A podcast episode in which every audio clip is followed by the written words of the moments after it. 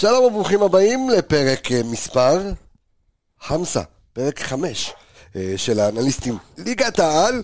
אה, הפגרה הזאת גמרה אותי, גמרה אותנו. נורא ואיום, נכון בוזי? קודם כל התגעגעתי, אבל... אתה התגעגעת, תמיד ארוכה. הסתובבת בדובאי, עשית פה, טסת לשם, הסתפרת, כן, חיים, הסתפרת, לי מה לא הספקת לעשות בפגרה הזו? אתה יודע, אומרים מתים פעם אחת, וחיים כל יום. אז אני מנצל את זה, אחי. תשמע, אתה- הבאת משפט שלא. שמעתי אף פעם. רק תגיד לי על מה הייתה הפגרה הזאתי? אה, שזרוע ונבחרת. חורף. היה, היה נבחרות, היה נבחרות, נכון? נכון. שזרוע, שזרועית, כן. שזרוע אחד, ואתמול ראינו את האצטדיון- את המגרש בסמי עופר, נראה זוועה, שרה, כן. כן, נראה על הפנים. זה שזרוע חבל על הזמן. תגיד לי, אתה, אתה יודע, אני חייב לשאול אותך, מאור, מה, מה השזרוע, אז אתה מרגיש אותו על הדשא שאתה משחק? מה... את ה... קודם כל מרגישים שזה דשא אחר. אה, זה תמיד כאילו קורה ב- בסוג של לחץ מסוים. האנשים שמטפלים בדשא, באמת, הם משקיעים את הכל, אבל כאילו הם נתונים ללחץ מאוד גדול מבחינת כל העניין של הלוח זמנים וחזרה והרבה מאוד משחקים, ותמיד איכשהו, למרות שהפגרה ארוכה, אנחנו, מתי שעולים על הדשא, מרגישים שזה עדיין לא נתפס, או עדיין בהתחלה שלו, או בתהליך שלו. אבל קטע, אה, עם זה צריך להתמודד, אין מה אה, אני- לעשות. אני, אני, אני, עוד פעם, אני לא, שיחק, כאילו, אני היחיד דשא שיחקתי על סינתטי. אז לא, סינתטי זה גם צריך. לא, גם צריך שזרוע, אתה אומר? בטח. בטח. אה, שמע, בואנה, אתמול, אתה יודע, אנחנו הולכים לדבר על, ליגת העל, מחכה לנו מחזור, ואני חושב שממש בשבועות הקרובים יתחיל להיות קצת סדר בטבלה. יתחיל להיות קצת, אתה יודע, כל אחד ייכנס למקומו, לדעתי, כי עכשיו אנחנו רואים, אתה יודע, הפועל חיפה, הפועל תל אביב, נמצאים במקומות, אתה יודע, בצמרת הטבלה. חדרה מקום חמישי. חדרה מקום חמישי, אז תכף יתחיל להיות סדר, אה, ואנחנו ניגע במשחקים אה, שמחכים לנו אה, ביום שבת, זה טוב גם למי שעושה פנטזי. דרך אגב, למי שעושה פנטזי יש ליגת האנליסטים, אתם יכולים להיכנס ו- ולהיות, ו- ו- ואיך אתה ממוקם שם טוב. מעניין, אני מעולם לא עשיתי... לא עשית פנטזי? לא. לא, אין אתה לא מבין בזה? לזה. לא, אין לך זמן. מבין? אני יותר בליגת אלופות. מעלה 19 סטורי ביום, אבל אין לו זמן לזה, לעשות כן, פנטזי. כן. מה, כמה זמן זה לוקח לעשות פנטזי? זה דורש תחזוקה. לא, זה תחזוקה. וזה דורש תחזוקה, ויש לי גם אה, ילדים, ויש לי, אתה יודע, יש לי כל כך הרבה דברים. המזל שלי זה שאני תמיד מנסה לייצר ו- ולעשות דברים. ברוך לעשות- השם. ולעשות אה, דברים חדשים. טוב, תגיד לי, אתמול סיטי פריז, אה? וואו, איזה משחק, אבל אני אגיד לך מה, כל כך זה היה צפוי, שאתה רואה את פריס סן ג'רמן עם כל הסוללת כוכבים שלהם, ומסי שעושה גליצ'ים ב-16, וכאילו הם לא מתקרבים אפילו לשער, מזכירה לי את הפועל תל אביב, ש- שלנו, כאילו, אומנם בלי הכוכבים, אבל מזכירה איפשהו את ה- את ה- את ה- את הפועל תל אביב, הסגנון משחק שלה, יציאה למעברים, שזה היה מאוד מוזר לראות את פריס סן ג'רמן ככה, אומנם בליגה הצרפתית היא... היא, היא לא מתקשה מספיק, אבל ברגע שאתה משחק מול קבוצה כמו סיטי שהיא מכונה, ולא משנה אם, היא בפיגור, או אם היא ב, אה, אה, מובילה, היא פשוט משחקת את אותו כדורגל. אותו כדורגל, וזה פשוט היה כיף לראות. אני מאוד מאוד אה, הרגיש לי שהשחקנים של פריס סן ג'רמן היו מאוד מתוסכלים אתמול. תשמע, אתה יודע, זה זה קלישאה, עמיגה. שלום לך, בוקר טוב. בוקר טוב. בוקר טוב. עשר מה- דקות עבר. מה קורה? בסדר. לא, אני רגיל, אתה- אתה כבר פה משש בבוקר. כן, עובדים. תשמע, אתה יודע, אני מסתכל על, על סיטי אתמול, ואני עוד כבר לפני המשחק יודע מה, מה תהיה התוצאה, כי ה- הסיג- א', אני לא זוכר עדיין גלקטיקוס שמצליח. עוד לא, עוד לא זכור לי. שמע, אתמול זה היה, כאילו סיטי זה החצי החצי השני של המתרס של פריז, בדיוק ההפך, קבוצה בלי כוכבים, אם ת- תצביע לי איזה כוכב אחד שהוא מהטופ העולמי היום, דה בריינה. כן, אבל זה שחקנים שהם שהם לא, איך כאילו, אפשר להגיד על סיטי שזה... לא, מדבר כאילו ברמה של אה, מסי, אמבפה וניימר, עדיין זה לא שם. בדיוק, הם קבוצה, הם, הם הם עולים בכל פרמטר, וזה מה. שחשוב בכדורגל. פפ בנה אה, את הקבוצה הזאת טלאי על טלאי, וכזה תפר אחד, אה, שחקן אחד שיתאים לשני, וראית אתמול, של... זה הכי קרוב לשלמות שראיתי. דרך. אגב, אתמול ובלי פודן ובלי דה בריינה, ואתה יודע, בהרכב יחסית חסר, הם מתי שהם רצו האמת זה לא לשם. משנה מי ישחק קבס הזה, כאילו כל אחד שנכנס לתבנית הזאת, ואתה רואה שעובדים באימונים, פפ עובד באימונים על תבניות, שווקר פתאום המגן הימני אה, מצטרף ומקבל כדורי עומק ומוציא רוחב, וסילבה מוריד באלגנטיות, ויש להם כל כך הרבה אפשרויות, כל כך קבוצה כל כך מגוונת, וזו שזה קבוצה היה בלי תענוג חלוץ. מאוד לראות את זה. חלוץ. זה הסגנון של נכון. זה הסגנון, אם הוא היה מכניס חלוץ. אז הם משחקים אחרת. אה, כן. זה לא- זה פחות רלוונטי, אבל תשמע, פריז לא עברו. פריז כמעט בקושי עברו את החצי אתמול. זה היה מדהים. אתה יודע, שחקנים כמו מסי, נאמר, אמבפה, לא מצליחים לבוא לידי אני לא ביטוי. חושב שפריז אה, מספיק טובה כדי ל- לא. ל- להגיע לשלבים המאוחרים של ליגת זה עדיין לא שם. השאלה אם תשאל את פוצ'טינו, אם הוא יגיד לך שהוא היה רוצה סגל כזה. שמע, יש לך שלושה שחקנים שהם לא פקטור בכלל. אתה יודע כמה פעמים התבלבלתי בשם שלו? פוטצ'ינו, פוטצ'יני, פוטצ'יני, כאילו זה השם של מסעדה באסה. איטלקית.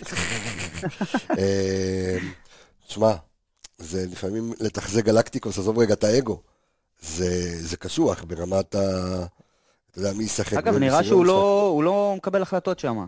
קשה מאוד לקבל החלטות שיש לך כוכבים בסדר גודל כזה, שמן הסתם שלושה שחקנים שהם, כמו שעמיגה אמר, שזה בטופ, שהם רוצים רק לעשות התקפה ורק אה, אה, להביא את היכולות האישיות לידי ביטוי, ופתאום הם נמצאים בקבוצה שצריכים אה, לעשות גליצ'ים ו- ולרדת להגנה, ואני לא מכיר שעושים הפרדה בין, יש רק אה, משחק אה, התקפה ורק משחק הגנה, זה תמיד הולך ביחד, בדיוק. כמו מניפה. ההתקפה, ברגע שקבוצה טובה, אתה יודע שההגנה היא מתחילה תומכת. בהתקפה ולהפך.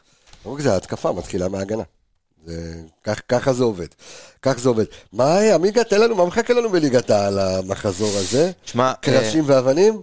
קרשים ואבנים אחרי פגרה ארוכה, אה, יש לנו היום אה, שני משחקים של אה, ישראליות באירופה וחוזרים לליגה. תשמע, הולך להיות חודש מאוד מאוד עמוס ב- בליגה, יש לך משחקים בשבוע הבא, גם באמצע שבוע יש משחק ביום חמישי. כן.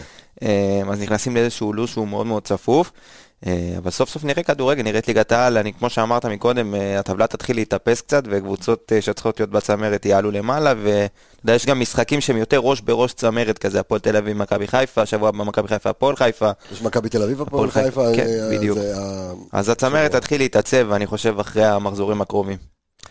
אה, טוב, בוא, בוא, בוא, נתחיל, אה, בוא נתחיל עם משחק מעניין לפחות אה, בזה. קודם כל, הפרק הזה מוקלט אה, לפני שמכבי חיפה משחקת באירופה, אנחנו נדבר על מכבי חיפה הפועל תל אביב, אבל מכבי חיפה פוגשת את אוניון ברלין. אני אם מכבי חיפה מנצחת או לא, יהיו לזה השלכות. בוודאי. לגבי, לגבי הליגה. אה, אתה יודע, בטמפו קצת יותר גבוה, זה עוד מפעל שפחות, אבל דווקא אני רוצה להתחיל עם הפועל חיפה, מכבי תל אביב. הפועל חיפה, מכבי תל אביב, מאור, אה, הפועל חיפה שמאבדת לה את אה, אלון אה, תורג'מן, ובא, יש להם עוד איזה, וחנן ממן, שמאבד... אבל הוא משחק. כן, אבל עדיין, הוא אחרי כן. אירוע מאוד טראומטי. ופה זה המקום לבוא ולהשתתף בצער משפחת ממן, חנן וברוך וכל המשפחה על, על האובדן הקשה של אורית. חיבוק גדול. באמת חיבוק, חיבוק ענק. אז גם, אתה יודע, הפועל חיפה תקבל את חנן ממן, אתה יודע, אולי במצב, במצב מנטלי לא פשוט. אה, מאור, זה לפגוש... כן, אבל אתה יודע, קבסה, ששחקן אה, שיש מסביבו כל מיני דברים, גם אם הוא עובר טראומה, גם אם יש איזה סוג של אה, אה, עליהום אה, תקשורתי, ו- ו- והשחקן נמצא במרכז העניינים, ברגע שהוא עולה למגרש, הוא פשוט, זה, זה חדר הבריחה. אין טלפונים, אין רשתות, אין דעות, אין כלום, זה פשוט נטו לבוא ולעשות את הכי טוב על המגרש, ויש יש שחקנים בודדים, אפשר לראות אה, דוגמה בעולם, את אה, בנזמה, שתמיד אה, מייצר כותרות מאוד שנויות במחלוקת, ובסוף מגיע למשחק ומתעלה ועושה את ההפרדה ו- ו- ונותן את, ה- את המספרים שלו ואת היכולות, הוא מביא אותם לידי ביטוי, ו- וככה צריך לעשות. אני חושב שכולם היו רוצים לראות את אה, חנן ממן, לא משנה מה קורה בחיים האישיים ו- ו- והטראומות, ואני בטוח שזה מאוד קשה, מאוד מורכב. הוא עצמו וכל המשפחה היו רוצים לראות אותו על המגרש, תמיד, תמיד תשמע, אני. אני, ראינו, אני חושב שאפשר לקחת את מקרה עופרי ארד, אה, שהיה לו קצת קשה לחזור לעניינים אחרי הפרשה עם... אה, אחרי שאבא שלו נפטר, אבל אני אומר, הפועל חיפה מגיעה להפועל תל אביב. עכשיו, שתי הקבוצות סיימו את המחזור הקודם ב- ב- בתוצאת תיקו. אה, מכבי תל אביב עושה אחת-אחת עם- אה, בדרבי התל אביבי מול הפועל תל אביב, אה, ו... הפועל חיפה בסכנין. בסכנין, 2-2. הפועל תל אביב, הפועל חיפה עושה 2-2 אה, מול סכנין, וזה איזשהו קרב, לא, אי אפשר לקרוא לזה קרב צמרת, כי הפועל חיפה מגיעה הרבה מעל מכבי תל אביב בטבלה. לא כזה הרבה. כן, אבל אתה יודע, זה מסוג המשחקים ש... זה סוג של משחק מפתח של הפועל חיפה, אם היא רוצה באמת להמשיך ולהיות בחלק העליון של הטבלה, אז היא כמובן צריכה אה, אה, לבוא ולשחק כדורגל נגד מכבי תל אביב, ו- ואפילו גם אה, לחשוב על אה, ניצחון, זה לא, זה לא משהו שבשמיים היום, במצב של מכבי תל אביב. מנגד, מכבי תל אביב, אני חושב שיש לה בעיה מאוד מאוד גדולה נגד קבוצות שמצופפות. דווקא הפועל חיפה היא מסוג הקבוצות שלא באות לצופף. כן, באות לשחק כדורגל. לא דוגל יותר מדי בטקטיקה. והוא משחק פתוח, שזה יכול לבוא יותר לכיוון של, של מכבי תל אביב. משחק מאוד מעניין מבחינתי. מעניין אותי, אתה יודע, כן. מאור אמר פה משהו מעניין, שאלישע לא, אתה יודע, לא טקטיקן. שאלה אם זה, אתה יודע, אפשר לשייך את זה לאיזשהו יותר old school, אתה יודע, בז'אנר של המאמנים. כן. עמיגה, לגמרי. שכאילו, אתה יודע, יש את המאמנים הצעירים, בכר, לוזון, רן בן שמעון, שאתה רואה, שהם, רואה את הטביעת יד הטקטית שלהם במשחק, אה, ואם צריך להיות יותר קומפקטים, אז הם יותר קומפקטים, אתה יודע, זה משנים, מאוד ורסטיליים, אבל אלישע... סטופ קס. סטופ קס, ואלישע זה יותר, אתה יודע, לא משנה איפה הוא הלך, איפה הוא היה, תמיד זה אותו סגנון, והקבוצות שלו משחקות התקפי. השאלה אם באמת זה, אתה יודע, משתייך לאיזשהו אולד פשן כזה. אפרופו קומפקט... יש יתרונות ויש חסרונות. אה, המאמנים המודרניים שמתאימים את עצמם לכדורגל המודרני ולטכנולוגיה שנכנסת, אה, וכל הכלים שעוזרים לשדרג את היכולת, אלישע, כמו שאמרת, הוא אולד סקול, אבל... אה, בעניין הזה הוא נותן הרבה חופש לשחקני ההתקפה, ואני יודע, שחקנים כאילו מה, מהסגנון שלי, כמה זה חשוב שפתאום מאמן בא, נותן לך גב, אומר לך, שומע, מהקו, מה, מהקו של החצי ומעלה, תעשה מה שאתה רוצה, אל תעבור, אל תוציא את כל האנרגיות והכוח למשימות הגנתיות, כי אנחנו צריכים אותך, אה, את היכולות שלך לידי ביטוי בהתקפה, ו- וזה נותן אה, רוח גבית מאוד גדולה לשחקני, לשחקנים עם יכולות אישיות. תשמע, אתה, אתה, מדבר, אה, אתה מדבר על אלישע, שלא משחק עם טקטיקה, אבל הוא הולך לפגוש את ברק יצחקי, שגם, אתה יודע, לא, לא באמת מאמן. אז יהיה פה, אתה יודע, יהיה פה קרב מעניין, השאלה, אתה יודע, שתי הקבוצות משחקות כרגע ב-4-3-3, אה, ואני חושב שזה נשארו השאריות של, אה, השאריות ההולנדיות, כן? כי ההולנדים משחקים 4-3-3, אז כל מה שהשאיר לו ולואן לפני כן, פשוט, אתה יודע, קצת ב... בתעוזה אחרת, וראינו את ברק בכר, אה, ברק בכר, אני אומר, את ברק יצחקי מתקשה בדרבי. שמע, דרבי... דבר, דבר. ליגה, אה, בבקשה, אתה. אה, המשך כבודו. אז אה, כן. תשמע, דרבי זה דרבי, לא משנה איזה מאמן היה עומד על הקווים, תמיד קשה, והפועל תל אביב, ראינו גם את המשחק, בקושי עברו את החצי. תשמע, זה היה במעמד צד אחד. שוב, זה, הוא אמר, זה גם עניין זמני עד שיביאו מאמן אחר. כרגע, בכלים שיש לו, זה הכי הרבה שהוא יכול להוציא. אה, בקמפיין האירופי, בוא נגיד... אבל בוא נדבר על זה, קשה מאוד למכבי תל אביב להביא מאמן. בטח בזמן הזה. כן, לגמרי. לא, לא כולם רוצים להגיע, גם מבחינת, ה... הוא אמר, גם מבחינת המצב הביטחוני, גם קורונה, גם... יש הרבה אלמנטים שאנחנו לוקח, לא לוקחים בחשבון. קשה מאוד להביא מאמן לישראל, במיוחד זר. אבל יש, אז יש אלמנט אחד שלא לוקחים בחשבון, שזה מכבי תל אביב לא מוכנה לשמוע על ישראלי, שזה באיזשהו מקום, אני לא יודע את מי זה אמור להעליב, אבל אה, לא רוצה לשמוע על מאמן ישראלי. כן, אבל אתה יודע, במצב הזה, אה, ברק יצחקי אמנם עכשיו אה, הגיע ועומד על הקווים, כמו שזה נראה, זה גם יימשך אה, תקופה לא מבוטלת, ומכבי תל אביב צריכה לספק בסוף תוצאות, זה המבחן שלה. כשהם מגיעים למשחק כמו נגד הפועל תל אביב בדרבי, עם כל ההשלכות וכל היוקרה וכל הכבוד, מבחינת תבניות של אה, לפצוח שחקנים, אה, שחקני הגנה שבאים לצופף, משחק הגנה שבאים לצופף. אני לא ראיתי, אני לא ראיתי אה, משחק יצירתי במכבי תל אביב, מאוד שבלוני. בעיטות, בעיטות ארוכות סתם, בלי שום תוכנית, בלי שום תבנית, וזה מאוד, מאוד אכזב אותי במשחק של מכבי תל אביב. תשמע, אתה, אתה מסתכל פה על נתון אחד המעניינים בעיניי, כמו שמאור אמר, תבניות, ואתה יודע, להגיע למצבים בצורה מסודרת, ואז אתה רואה ששום שחקן של מכבי תל אביב לא בישל יותר משער אחד העונה בליגה. וואלה. אנחנו במחזור עשירי כבר. זה אומר לך שבאמת השחקנים היצירתיים של מכבי תל אביב, שצריכים להביא את האקס פקטור ולתת, אתה יודע, בסופו של דבר להיות המוציאים לפועל ולתת את הכדורים לפריצה, שאומנם הוא כבש כבר ארבעה שערים העונה, אבל זה עדיין לא מספיק. אה, דן ביטון, אה, אתה יודע, אם זה גבי קניקובסקי שהביא אותו כדי לתת יותר מספרים, זה עדיין לא שם. אה, עדן שמיר שהביא אותו כאילו על המחליף של דור פרץ, גם לאט לאט עדיין, אתה יודע, מחפש את הכיוון שלו במכבי תל אביב. יותר מדי זיגזוגים, אתה יודע, מעבר בין אירופה לליגה, פתאום אתה רואה אותם נותנים חמישייה באירופה, ואז מגיעים לפה ומפסידים לאשדוד. שמע, מכבי תל אביב עדיין לא מצא את הדרך שלה בליגה. הם צריכים למצוא את הקישור הזה, שוב, הליבה שלהם, האמצע, לא מספיק יצירתי ולא מספק מספרים. זה, זה נתון שאני רוצה שתתייחס אליו, מאור, על זה שמכבי תל אביב, אף שחקן, ואנחנו עכשיו מתחילים, אתה יודע, מתחילים לשחק את המחזור העשירי, אף שחקן לא בישל יותר משער אחד. זאת אומרת, אין, אין איזה דמות ש... שאתה יודע שהיא- ש- שתחלק את הכדורים. אני אגיד לך מה, אני רואה את מכבי תל אביב מתחילת העונה, היא מתעקשת לשחק דרך האמצע. עכשיו, כל קבוצה שמגיעה לשחק מול מכבי תל אביב, היא מגיעה להתגונן, מגיעה לצופף, ומכבי תל אביב עדיין לא יודעת איך להתנהל במצבים האלה. כל השחקנים שכביכול צריכים לתת מספרים ולהביא את הערך המוסף ואת הכישרון שלהם למשחק, נמצאים בסיטואציה שהם כל הזמן מקבלים את הכדור עם הגב לשער, שזה הדבר הכי קשה לשחקן כדורגל. תשמע, אמ, מי ש- שמע, מי שצריכים שמוביל את... לזוז דרך כן. דרך האגפים, כן. המשחק היחיד שאני זוכר, אתה יודע, מכבי תל אביב העונה ששיחקו קצת דרך הצדדים, זה היה נגד מכבי חיפה, שקובה שיחק, אה, אתה יודע, ממש על סן מנחם, והם הבינו פחות או יותר שזה, שזה מה שעובד להם גם, אה, והם גם ניצחו את אותו משחק, אה, אבל אם אתה רואה שגררו זה השחקן שמוביל את מכבי תל אביב בניסיונות למסירות מפתח, ולא השחקנים היצירתיים כמו שציינו, את דן ביטון וקניקובסקי, וגולסה גם, אתה יודע, עדיין מקרטע ולא נכנס, אז בסופו של דבר זה מוביל לנתון הזה של שום שחקן לא מבשל יותר משער אחד. בואו ניתן את הנתונים היבשים, אז בעשרת המפגשים האחרונים הפועל חיפה לא מנצחת את אה, מכבי תל אביב.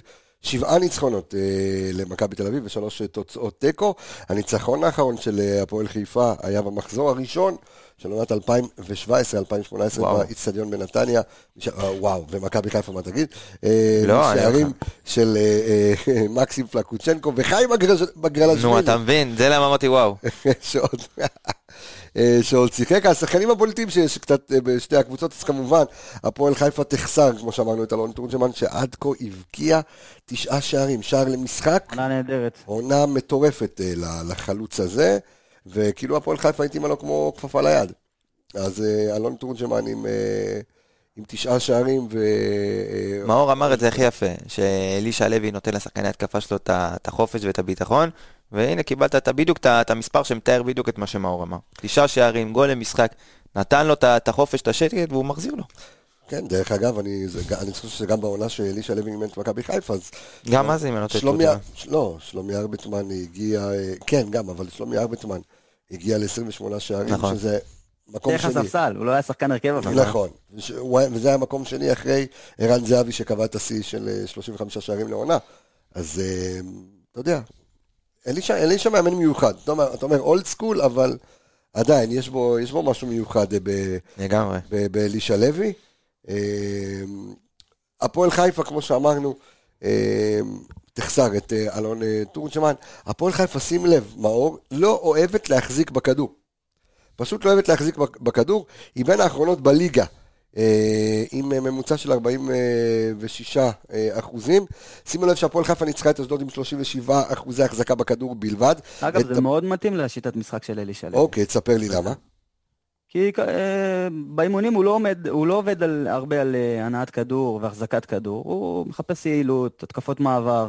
ברגע שיש לו הרבה מאוד שחקנים שהם מהירים ובעלי יכולת אישית בחלק הקדמי, אז הוא רוצה שהכדורים יגיעו אליהם הכי מהר שאפשר. וכבר כשאתה מגיע לאזורים המסוכנים, הוא מחפש להיות יעיל, שזה קרוסים, שזה דריבלים אה, באזורים המסוכנים, ובעיטות מרחוק. אני חושב, ש... אני חושב שזו הכותרת ל... לקטע הזה של הפועל חיפה מכבי תל אביב, אה, כי אני שם לב שהיא החזיקה בכדור אה, מעל 43 אחוזים, היא פשוט הפסידה. הפועל חיפה, אה, אז הפסידה למכבי פתח תקווה ולבית"ר ירושלים, אז אה, אחלה כותרת. הפועל חיפה לא טובה כשהיא מחזיקה אה, מספיק אה, בכדור. היא לא אה, רוצה אותו, למה להחזיק הרבה בכדור אם אתה יכול לחלץ אותו גבוה ולהעביר אותו נכון. מהר לשחקני ההכרעה שלך? זה הרבה יותר אפקטיבי גם, זה מוכיח את עצמו. אבל עכשיו שאין לך שחקן, את השחקן, הכרעה, יכול להיות שיהיה פה שינוי אה, מבחינת הפועל. גם שינוי, אתה רואה פה פתאום את בוגנים טורגל בהרכב ואמור לשחק את החלוט, ויש לך את אושבולד שהוא גם אה, נותן עונה מצוינת, אבל נראה שאושבולד ותורג'מן זה, אה, אתה יודע, בשבילי וארביטמן אז שהיה, זה, אתה יודע, אחד משלים את השני, השאלה אם אושבולד אה, לבד יוכל לסחוב את הפועל חיפה בחלק הקדמי. כי אנחנו רואים שגם ממן הוא כן, בא, הוא כן אמור לפתוח. אה, תשמע, יש הרבה חיסורים להפועל חיפה, חיסורים שהם משמעותיים. אם זה אה, תורג'מן שלא אמור לשחק, וסאקו טור בספק, נס זמיר שכבר פצוע המון זמן, לא הייתה, שגם נפצע לא, הוא חזר לזמיר, אבל אתה יודע, הוא עדיין בהתאוששות. כן, אבל תשמע, הוא גם משמעותי מאוד, ראינו אותו עונה שעברה גם נכון. בעונה מצוינת, אה, נזמיר. אז אה, במכבי תל אביב, דרך אגב, השחקנים שמאיימים הכי הרבה לשער בליגה, דרך אגב, ל-90 דקות, הם דן ביטון עם ממוצע של 3.8 איומים אה, למשחק, וברנדלי קואס עם אה, 3.6. יחד יש להם 41 איומים, אה, 41, 41 איומים לשער. 27 מחוץ לרחבה. כן, ול, ולקובאס יש גם את הכי הרבה איומים למסגרת, אבל עדיין אה, מאור הוא לא שחקן תכלס. כאילו, אתה יודע, הוא מבקיע פה, מבקיע שם, אבל אני אגיד לך מה, אני שאני ראיתי שמו לו כתרים על הראש. במשחק הראשון שראיתי אותו, אני חשבתי שמדובר פה באחד השחקנים הכי גדולים ש... שנחתו. ו... והמשחק הראשון כאילו נתן לי איזה מין אה, ניצוץ כזה בעיניים. אה, ולאט לאט שהתחילו להכיר אותו והתחילו להתכונן אליו, אה, אנחנו רואים שנהיה לו הרבה יותר קשה. אה, להבדיל משחקים שהיה באירופה שפחות שמים דגש על, על להתכונן לקבוצה היריבה ומגיעים קצת יותר בריכוז באיך שאנחנו משחקים ורואים שמכבי תל אביב קצת יותר קל לה במשחקים באירופה ונותנת הצגות וזה ההבדל הגדול ברגע שהם מתכוננים אליך ו... ויודעים בדיוק את הצורת משחק שלך ולאן אתה הולך אז אתה צריך כאילו להביא איזה משהו אחר. תמיד גורם ההפתעה משחק תפקיד. וכאן אה, קובאס אה, קצת מתקשה אבל אה, אני עדיין נותן לו זמן. אני חושב שאנחנו רק במחזור העשירי רק אני אומר אה, ויש לו הרבה, הרבה מאוד אה, כדורגל ברגליים, אבל כמו כל מכבי תל אביב, היא משחקת פחות טוב, פחות יצירתית, פחות אה, אה, אה, כיף לראות אותם, אבל אה, בשורה התחתונה אה, הם צריכים להביא את היכולת על המגרש, ואף אחד לא יעשה להם הנחות. אה, דבר איתי רגע, עמיגה, על הנתון של, של מדד האקסג'י של מכבי תל אביב, ומה זה אומר לנו. מדד ה-XG, אז ככה, אה, קודם כל מדד XG, מי שלא יודע, מי שלא מכיר, זה מדד השערים הצפויים. כמה שערים מכבי תל אביב, לפי המצבים שהגיע, לפי איכות המצבים. אה, הייתה כמה אמורה שערים- לכבוש או בדיוק. לספוג? כן. אז אה, יחס השערים של מכבי תל אביב היה אמור להיות 15-10, כאילו גם החשיבו את ה-opponent XG, זאת אומרת ה-XG של היריבה שלה. היא הייתה אמורה לעמוד על מאזן חיובי של אה, 15-10. אה, לעומת זאת, המאזן, המאזן שערים שלה הוא שלילי בפועל. זאת אומרת 15-11, הפוך. אה, מאזן שלילי, זה רק מראה לך באמת כמה מכבי תל אביב. אבל עד- ועדיין, זאת אומרת, זה משהו שם לא מסתדר, כי אתה, אתה רואה, והרגע הקראנו את הנתונים, שגם אה, אה, ברנדלי קובאס וגם דן ביטון מאיימים הכי הרבה לשער, אז או שזה לא תכליתי, או שמשהו שם באמת עדיין לא עובד, כי... אז, אז אני אגיד לך איך אני רואה את הדברים. אם אתה מאיים 41 אה, פעמים אה, אה, לשער, ו-27 איומים מתוכם זה מחוץ לרחבה, אז הסבירות שתכבוש שער היא הרבה יותר נמוכה. נכון. אז אני מציע למכבי תל אביב שיתחילו לנסות ל- לאיים קצת במצבים יותר איכותיים, כי ככה האחוזים שלהם אה, יותר יגד- יגדלו, ואתה יודע, יהיו גם יותר גולים בסופו של דבר. אתה בועט מחוץ לרחבה, זה אחוזים נמוכים. זה גם מאור, אה, אתה יודע, מאור שאם היה בועט מחוץ לרחבה, אז הסיכוי היה הרבה יותר גבוה, אבל אה, זה גם נוצר מאור ממצבים של המון תסכול להתחיל לבעוט מחוץ לרחבה. כן, זה בגלל שמכבי תל אביב משחקת לא נכון, היא תמיד משחקת uh, לידיים של הקבוצה מנגד, אפשר לראות גם את הדוגמה בדרבי, שגם אם המשחק היה, היו נוספו לו עוד uh, 30 דקות, לא, לא ראיתי את מכבי תל אביב uh, כובשת, בגלל שהיא עושה את הדברים הבסיסיים שהיא צריכה לעשות נכון, היא עושה אותם בפזיזות, היא עושה אותם בכוח, uh, סתם לצורך העניין, גולסה, ככה, אתה יודע, מה שאני זוכר, אה, פתאום עושה דריבל אה, על ארבעה שחקנים ומאבד כדור. אה, קובאס הולך אה, על יכולות אישיות, וזה כאילו מראה הרבה בקיר. מאוד אה, עצבים, הרבה מאוד לחץ. ועל זה הם צריכים להתמודד, אין מה לעשות. אני, עוד נקודה מעניינת במכבי תל אביב, דיברנו על זה גם, מכבי תל אביב שנה שעברה, בוא נזכור את השערים שלה, אם זה דור פרץ שנכנס מקו שני, ויונתן כהן שנכנס מהקו לתוך הרחבה, והיום יש לך שחקנים כמו דן ביטון וגבי קניקובסקי ועדן שמיר, אף אחד מהם אתה לא רואה, אתה יודע, אולי עדן שמיר לפעמים עושה כן הבלחות ונכנס ל... ומצטרף לרחבה, אבל חוץ מפריצה בתוך ה-16, אין לך עוד איזשהו שחקן שהוא איום, שההגנה צריכה לשים אליו לב שנכנס מקו שני כטרל. תשמע, אין לך את זה. אין לך את המספרים האלה שהם היו נותנים בכניסות מקו שני, ואנחנו יודעים שכשהגנות מצופפות, אתה תהיה חייב להכניס עוד שחקנים לרחבה כדי ליצור עוד איזשהו איום, והגנה גם תשים לב אליהם. אז מכבי תל אביב עדיין בועטת מרחוק, במקום להכניס את השחקנים, ובסופו של דבר זה היה מראה עליך שערים. אתה, אתה, רואה, אתה רואה את המספרים. אה, בפועל, מכבי תל אביב, דרך אגב, אחוז ההצלחה שלה בתיקונים הוא הגבוה בליגה, עם 65 אה, אחוז. אפרופו מה שדיברנו, ועם זה אנחנו נסיים אה, את סיפור מכבי תל אביב הפועל חיפה, זה על מה שאמרנו, שהיא שיחקה בשיטה ההולנדית, והיא משחקת 4-3-3, אבל דווקא במשחק האחרון ברק יצחקי כן מראה שהוא טקטיקן. אה, והוא עלה במערך של שלושה בלמים, מה שלא היה אופייני למכבי תל אביב בשנים האחרונות אה, לפחות. אה, בעיניי זה, זה גם היה, זו גם הייתה טעות, כי הפועל תל אביב באה בכלל רק להופיע, לא לשחק כדורגל. ומבחינתי ייני ו... וגלאזר זה על אותו משבצת של שחקן, הוא היה חייב לעבור ל... ל... לארבעה שחקנים בהגנה. לקו ארבע. כדי... איך? לקו ארבע, כן. כן, לקו הארבע, ואז uh, לפתוח uh, יותר עם שחקנים uh, שיקבלו את, את הכדורים באזורים המסוכנים. מה שלי הפריע מאוד בעין, שבמקום שקובאס וגבי קניקובסקי יקבלו את, את הכדורים באזורים המסוכנים ואיפה שהם צריכים לקבל את הכדורים, אז המגנים קיבלו אותם, ויש פער מאוד מאוד גדול באיכות עם הכדור מהשחקנים. כן, אה, כן, אנחנו אה, טובים בהימורים שלא עובדים. לא, אנחנו, כן, אז אה, אנחנו ניקח את זה צעד אחד קדימה, והיום אנחנו נרשום, ואנחנו נעלה כל מחזור, לפני המחזור, כל אחד מה הוא הימר, ואז אנחנו גם נאמת את הבלוף בתוכנית הבאה. אוקיי. מאור תתחיל, כן. אני הולך מכבי תל אביב, 2-0. 2-0 מכבי תל אביב. כן, מר אדוני? אני תיקו אחת. אחת אחת? כן. אני הולך עם 2-2. 2-2. כן. תיקו רב שערים. יפה. אה, נעבור, אה, נעבור אה, לצד השני של העיר, בכל עיר. מכבי חיפה מול הפועל תל אביב, שזה המשחק המרכזי בעצם שלנו, שיהיה ביום ראשון. הפועל תל אביב, שבאמת יצאה, אלוהים יודע איך, בשן ועין, אבל אתה יודע מה, זה לא נכון בשן ועין, הם, סוג של, אתה יודע, תיקו הירואי. היה להם אה, מול מכבי. לא, לא, זה שן ועין, אה, איך קוראים לו, אה, שטקוס נתן שם הופעה הירואית. כן. באמת, אני הרבה זמן לא זוכר הופעה של שוער בארץ, הופעה כזאת, הצלות, שבאמת זה שוער שהביא להם נקודות באותו משחק. אז, אז מכבי חיפה שתגיע אחרי משחק מול אוניון ברלין ביום ראשון, אז כולם, אתה יודע, מנוחה של, של יום וחצי, יומיים, יש להם שישי שבת לנוח, ואז אתה יודע, ראשון, אתה כבר חוזר לאימונים וליום של משחק. מול, אה, מול הפועל תל אביב, ומה, איך אתה רואה את המשחק הזה אחרי שראית את הפועל תל אביב, אחרי מה שאתה מכיר את הפועל תל אביב? תגיד לי, הפועל תל אביב, מאור דרך אגב, מה קורה עם הכסף? מה קורה עם הכסף? כן. עזוב, זה... את הכסף. אני לא יודע אם אני רוצה לדבר עם זה.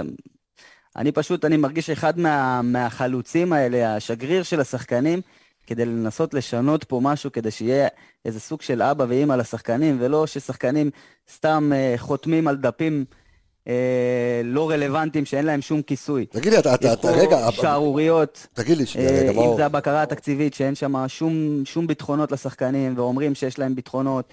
יש פה הרבה מאוד אה, דברים הזויים בכדורגל שלנו. אבל רגע, מאור, תגיד לי, זאת אומרת, יש פסק בורר, שמים עליו קצוץ? כמו שזה נראה, תשמע, אה, לא עונים, לא מגיבים. אה, מתחמקים, עוברים על החוק, ועדיין יש להם איזה סוג של אה, פתח. אה, מבחינה חוקית אי אפשר לבטל פסק בורר, אבל הפועל תל אביב מדברת לקהל שלהם, מדברת לכתבים שלהם ומוציאה החוצה כל מיני סיפורים שהם לא נכונים ושקריים. ובעצם מה זה גורם? זה גורם כאילו להאמין שהם מתנהלים בסדר. כן, אבל, אבל אנחנו מדברים פה על... אומרים, שנייה, רגע, שנייה, שנייה, רגע. יכול להיות שהם מתנהלים בסדר, נגיע לקבוצה הזאת. בסדר, עכשיו, אבל... עכשיו, אני מאוד, מאוד... אה, אני, אני, אני כל הזמן, אני הולך בין הטיפות, כי אני מנסה להפריד בין הבעלים לקבוצה. אני מאוד אוהב את הקבוצה, מאוד אוהב את הקהל, אבל הבעלים עושה כל כך עוול לכל מה שקשור ל, ל, ל, לשם הזה של הפועל תל אביב. לא, אבל הקטע, אתה יודע, אתה, אתה מדבר עכשיו כאילו, באמת כמו איזה סוג של שגריר, אבל בוא רגע, אני מבודד את זה שנייה, אה, אתה יודע, אליך. בוא, אה, כסף צריך לשלם. מה, מה, מה זה שידברו לקהל, שידברו לשחקנים, אתה כבר לא משחק כדורגל, את מי זה מעניין? בגלל זה, בגלל שאני לא משחק כדורגל וזה כביכול, אה, הקרבתי את הקריירה כדי לנסות לשנות משהו, אוקיי, מכל מיני סיבות, אה, אז צריך ללכת על זה בכל הכוח. אני, אפשר כאן להודיע שאני באמת, אני אתבע את מי שצריך ואלך למלחמות עם מה שצריך, כדי שדבר אה, אחד או שתיים שיצטרכו לשנות אותם. בסוף יש, יש חוזים ואותם צריך לכבד. ואי אפשר אה, ככה לקחת את החוק לידיים ולהתנהל ולהתנער מכל, ה, מכל המחויבות וההתחייבויות, וזה תעודת עניות לכדורגל שלנו, מבחינת ההתנהלות. נחזור, אה, נחזור לכדורגל, מבאס לגמרי, אבל בסדר. עצוב, אבל ככה הכדורגל שלנו נראה. טוב, זה... אבל בסדר, בוא, בוא נחזור רגע לכדורגל, כדורגל. אז תשמע, מכבי חיפה שבאמת חוזרת, חוזרים אליה למעט נטע לביא וריין סטרן, כל מצבת הפצועים חזרה אה, על הדשא, אה, בריאים יחסית, אולי קצת, אבו פאני קצת אה, זה, וג'אבר, אבל, וקבוצה באמת... אני חושב שהפגרה באה לה, בא להם טוב. כן, ברק אמר את זה, היינו חייבים את הפגרה. הוא אמר את זה אחרי כן. המשחק אה, האחרון אחרי קריית שמונה. היינו, לא רצי, היינו חייבים את הפגרה, מכבי חיפה יצאה למנוחה, אה, באמת כדי שכל השחקנים, אמנם הם עדיין לא 100, אבל פתאום אתה יודע, אתה מקבל איזושהי תמונה של הסגל שהוא כן רק יכול לשחק, הוא הולך להיות למכבי חיפה חודש קשה של תשעה משחקים אה, בחודש, כמעט אה, כל שבוע משחקים פעמיים. זה, אתה יודע, זה, זה הולך להיות לו"ז מאוד מאוד צפוף. זה עומס מטורף, עומס מטורף. ודיבר, גם ברק דיבר על זה, גם אה, יצא לנו לדבר עם גיא צרפתי על הנושא הזה. אמנם הם מאוד מאוד מבסוטים, אתה יודע, וזה כיף להתמודד ברמות האלה, אה, אבל העומס הוא מטורף, השחקנים שאתה יודע, בסופו של דבר לא מכירים את הכמויות כמויות משחקים האלה. יש פה שחקנים כמו סמי אחם, כמעט 30 משחקים, ואתה רק בתחילת העונה. אתה יודע, נבחרת ואירופה כן. ומכבי חיפה, וזה... וזה תאובות חתונה באמצע. יש קטע של שחקנים להתחתן בפגרות, אנחנו רואים. מה זה השבוע של שבירת כוסות? מתי התחתן? אין טיימינג, אין טיימינג להתחתן, כמו שאין טיימינג להתגרש. לא, להתגרש תמיד אפשר, אבל אתה יודע. אני התגרשתי, אבל בסדר, אתה יודע. לא, אני חושב אם התגרשתי בפגרה או לא. שחקני כדורגל אין להם אה, זמן אחר לעשות את הדברים האלה. אה, אתה יודע, אני, התגרשתי כשנגמר החופש הגדול, אתה יודע, זה ילדים, אתה יודע, אפשר להתגרש בשקט, בלי, כאבי ראש. אה, איך אתה רואה ברמה, גם הטקטית וגם ברמת המשחק, מאור, את, הקרב הזה מול, אה, אה, מכבי חיפה והפועל תל אביב? קודם כל, יהיה מעניין לראות את מכבי חיפה אחרי המשחק באירופה, מגיע לליגה. שני משחקים מאוד מאוד שונים, גם בקצב שלהם, גם ב vibe מסביב. אה, מכבי חיפה תגיע לבלומפילד, אומנם אה, קצת אה, רעננה, ושהיא נכנסת לעניינים. מצד שני עומדת מולה קבוצה שעם כל הכבוד ל, ליכולת ולמצב בטבלה, זה, זה שני פערים מאוד מאוד גדולים מבחינת היכולת בדשא עצמו. ואני רואה את המשחק הזה כמובן הולך תמיד uh, לכיוון uh, מכבי חיפה, למרות שהיא משחקת uh, משחק חוץ נגד קבוצה שהיא בצמרת של הטבלה, אבל מכבי חיפה תלויה בעצמה במשחק הזה. לגמרי, אבל uh, עוד משהו שמעניין, הפועל תל אביב uh, כרגע, בגלל כל ענייני הכרטיסים ושער 4-5 סגור, אז uh, האוהדים uh, הודיעו שהם מחרימים את המשחק ולא מגיעים, או האולטרס של הפועל תל אביב לא מגיע, לא, כרגע, אוקיי. לפי ההודעה שיצאה אתמול, לא מגיעים למשחק, מחרימים אותו. אני אה, בטוח שזה ישתנה, הקהל של הפועל תל אביב. אני מקווה גם כדי שתהיה אווירה, כן, בדיוק, הוא מכניס אווירה, ראינו את הדרבי, איזה צבע. קהל מעולה יש להפועל תל אביב. כן, אה, אבל אה, מכבי חיפה, מי שזוכר, גם בתחילת העונה, שיחקה נגד הפועל תל אביב, במסגרת חצי גמר גביע טוטו, אם אני לא טועה, ומכבי חיפה עלתה עם הרכב שני, בואכה שלישי. ומכבי חיפה פירקה את הפועל תל אביב. לא, הפועל תל אביב לא הייתה יריב אפילו, אה, ואני לא יודע אם מכבי חיפה תעלה ביום ראשון. גם הפועל תל אביב אה, לא הייתה בהרכב ראשון. לא, לא, היו איך זה, היה להם את אה, רוסה ולוסיו, חוץ משלומי אזולאי היה קשר אם אני לא טועה, כל הרוב שיחקו, אבל מכבי חיפה צריכה לנצח את המשחק הזה, לא משנה מה תהיה התוצאה של מכבי חיפה נגד אוניון ברלין, כמו שמאור אמר, הנקודה הכי חשובה, זה השינוי, ה-180 מעלות בין היום, אה, שמכבי חיפה תשחק נגד אוליון ברלין, ותצטרך להסתגר, ואתה יודע, להיות יותר אחראית בהגנה, לשבוע הבא שהפועל תל אביב תבוא ותנסה לעקוץ אותה פעם, פעמיים בהתקפות מעבר, וראינו את הפועל תל אביב בדרבי, בקושי, כאילו, אתה יודע, מאוד מאוד אה, שמרו על ה-16 ונזהרו, כל, כל יציאה שלהם הייתה מחושבת ומתוזמנת, אז מכבי חיפה תצטרך אה, לנסות לפרוץ את ההגנה. אנחנו רואים פה, אתה יודע, נתון מאוד מעניין, שמכבי חיפה מובילה את הליגה בכניסות לרחבה, אה, עם 21 כניסות לרחבה אה, ממוצע למשחק. הממוצע בליגה הוא 13, אז זה המון מעל הממוצע, מקום שני למכבי חיפה הוא רק מכבי מכבי תל אביב עם 17. אז מכבי חיפה, אה, העונה, אה, כן מצליחה להסתדר אולי פרט למשחק אחד נגד הפועל חדרה שהיה לה מאוד מאוד קשה נגד הצפיפות, אה, כן מצליחה להתמודד עם אה, קבוצות שאתה יודע, משחקות גם סגור. בוא נראה אותם ביום ראשון, זה מבחן מאוד מאוד רציני לברק בכר, משחק צמרת. שים לב שהפעם האחרונה שהפועל תל אביב מנצחת את מכבי חיפה בבלומפילד, זה ב-2014, אוקיי? long time. ב-2014. אה, בכר אה, כשפוגש את אה, קלינגר, אחרי המופע המטורף של קלינגר ב... תגיד לי, אתה חושב... אגב, הוא בא עם זה מהבית, כן? זה משהו שהיה מתוכנן מראש. מה זה, הנאום? כן, הנאום. הנאום. עזוב הנאום, החיקוי שלו באובה של לילה. תקשיב, זה לא היה דבר כזה. יצמן גאון. אתה יודע, אפרופו בובה של לילה, מאור, אני חייב לשאול. למה מביאים אורחים אם כמעט ולא מדברים איתם? מה, מה הקטע? כדי, כדי לא לדבר. פשוט, אה, אתה יודע, כדי להרים את התוכנית, למרות שזו תוכנית אה, עם רייטינג אה, יחסית גבוה לתוכנית בידור, זה לחוות דברים אחרים, זה קצת לצאת מהקופסה. אגב, מכבי תל אביב פעם ראשונה שלחה שחקן.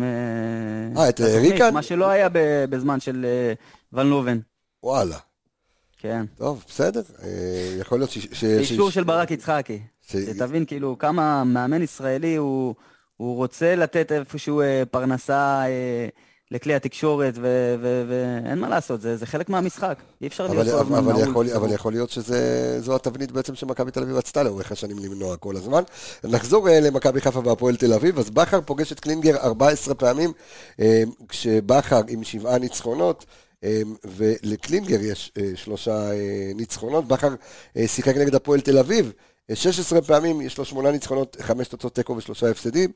קלינגר שמשחק נגד מכבי חיפה אה, כמאמן, 20 אה, ו... 29 פעמים משחק נגד מכבי חיפה עם 11 ניצחונות, 6 תוצאות תיקו ו-12 הפסדים. ולך תדע, אולי הוא גם יגיד בסוף המשחק, אני מצטער על כל גליץ' ועל כל אה, זה שעשיתי אה, למען מכבי חיפה. לא, זה כבר לא יעבוד פעם שנייה. לא? הצליח לו. כן.